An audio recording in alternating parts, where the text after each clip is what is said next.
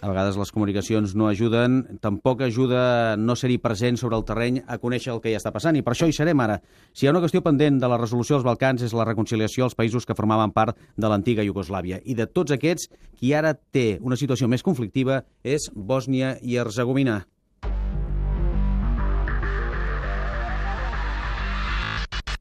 Un país que des del final de la guerra fa prop de 20 anys, ja dues dècades, està dividit en dues entitats. Una poblada principalment per serbis, la República Serbska, i l'altra habitada sobretot per bosníacs, els bosnians musulmans, a més a més de croats. Avui ha començat, prop de Sarajevo, la capital del país, una conferència precisament sobre això, sobre la reconciliació. I allà hi tenim una enviada especial, a Sarajevo, la Marialba Gilabert. Marialba, bona tarda. Hola, molt bona tarda. A la guerra de Bòsnia hi van morir, pel cap baix, unes 100.000 persones. Serveix d'alguna cosa? Servirà d'alguna cosa aquesta conferència, Maria Alba? És un petit pas en la bona direcció, però és cert que encara queda molt per fer i en això han coincidit tots els ponents, entre els quals hi havia polítics, intel·lectuals i representants de la societat civil. D'una banda, han dit que l'economia del país, que és una de les més febles d'Europa, no ajuda. Aquí tenim, es calcula entre 50 i un 60% de la població en atur. I de l'altra, l'actual Constitució, la forma com estan organitzades les institucions governamentals a tots nivells, no faciliten la cohesió social. Eh, han passat 20 anys, és veritat, per nosaltres pot ser molt, però per les víctimes de la guerra tot és encara molt tendre, molt recent. I ho reconeixia un dels tres presidents que té el país, el president de la comunitat croata, Seliko Komsic.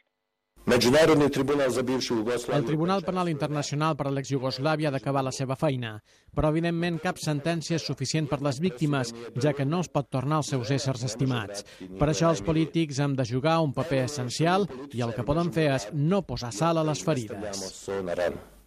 Maria Alba, tu t'has passejat per Bòsnia aquests dies en una frase... Com està la situació? Com la definiries?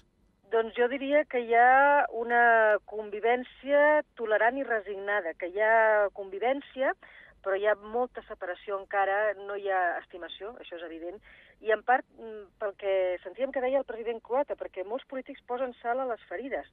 Si bé la gent jove intenta mirar el- el- els de l'altra ètnia amb bons ulls, sempre hi ha allò que es pensa per dintre què feia el teu pare durant la guerra, no? Ja. Però, a més a més, eh, sobretot quan hi ha campanyes electorals, el tema ètnic surt molt potentment a totes les campanyes electorals i cadascú intenta arrossegar cap, a, cap al seu, al seu, al vot de la seva gent cap al seu partit. Eh, De fet, només hi ha una força política que parla de bosnians, de bosnians en general. Tots els altres parlen, doncs, el seu electorat o musulmà, o serbi, o croat i això, evidentment, no, no va massa bé. I a banda, doncs, tenim fenòmens molt curiosos, per exemple, que les escoles es té fins i tot manuals de gramàtica i d'història totalment diferents si estàs en una escola d'una població sèrbia o si estàs en una escola de població musulmana.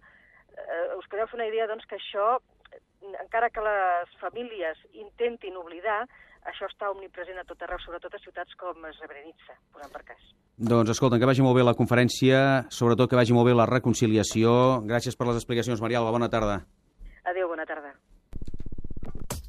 Projecte Explica Europa a Europa amb el suport de la Comissió Europea. Bé, ho portem tot, oi? Maletes, banyadors...